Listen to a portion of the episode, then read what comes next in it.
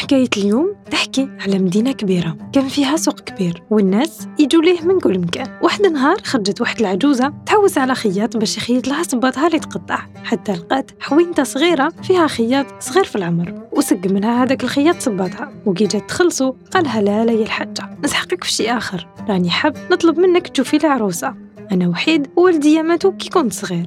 نشرط حاجة واحدة برك أنه ما نديرش عرس والعروسة نمد لها صداقها خمس دنانير ذهبية. قالت له هذيك العجوزة نشوف نرد لك خبر. وراح تمشي وتخمم حتى لقات دار امرأة أرملة.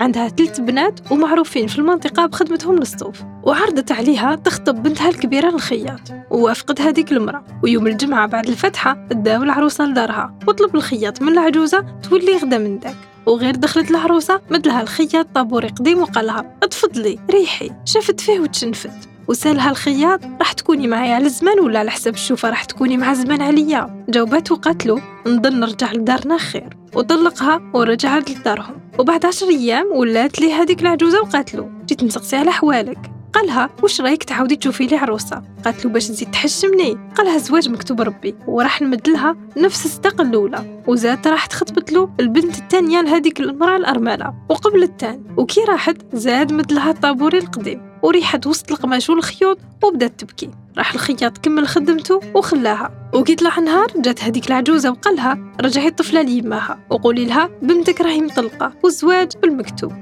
وبعد مدة تاع شهر ولات هذيك العجوزة تطمن عليه. فرح الخياط بزيارتها. وقالها كنت نستنى فيك تجي باش تخطبي لي البنت الصغيرة للمرأة الأرملة. قالت له واه يا وليدي ما بقى لي حتى وجه نقابل به. قالت له بصح والله ما نحشمك.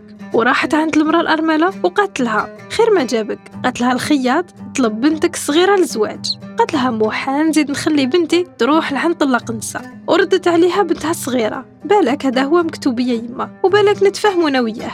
وقبلت وراحت هذيك العروسة ودخلت لهذيك الحوينتة وحط لها طابوري القديم وقالها تفضلي قالت له يزيد فضلك. وراح جاب لها تبسي فيه زيت الزيتون مع كسرة تاع الشعير وقالت له ناكل وحدي أنت تانا نروح تاكل معايا. وقالها يا درا راني على الزمان وحدي ولا راكي معايا على الزمان؟ قالت له راني معاك في الحلوة والمرة وما راكش وحدك. وين تحط رجلك؟ أنا نحط راسي. المال يروح والرجال يجيبوه.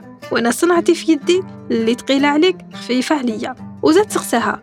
بصح الحانوت راكي تشوفي فيه. قالت له الضيق في القلوب. وناض هذاك الخياط ودنا واحد الخزانة كبيرة فيها حوايج. وقالها تبعيني. وهي دهشة ولقات موراها دار كبيرة ومرتبة ومعمرة بالخدم وما كانتش مأمنة. وهنا شدها الخياط من يدها وقالها مرحبا بك في دارك أنت هي الزوجة الصالحة اللي كنت نحوس عليها. قناعتك وقبولك بيا هو اللي خلاني نختارك. ربي يبارك لي فيك. وقاتلو الزواج لازم يكون مبني على أساس صحيح ماشي على أساس راشي. أنا ما يهمني لا جاه ولا مال. والله يجعلني زوجتك في الدنيا والآخرة.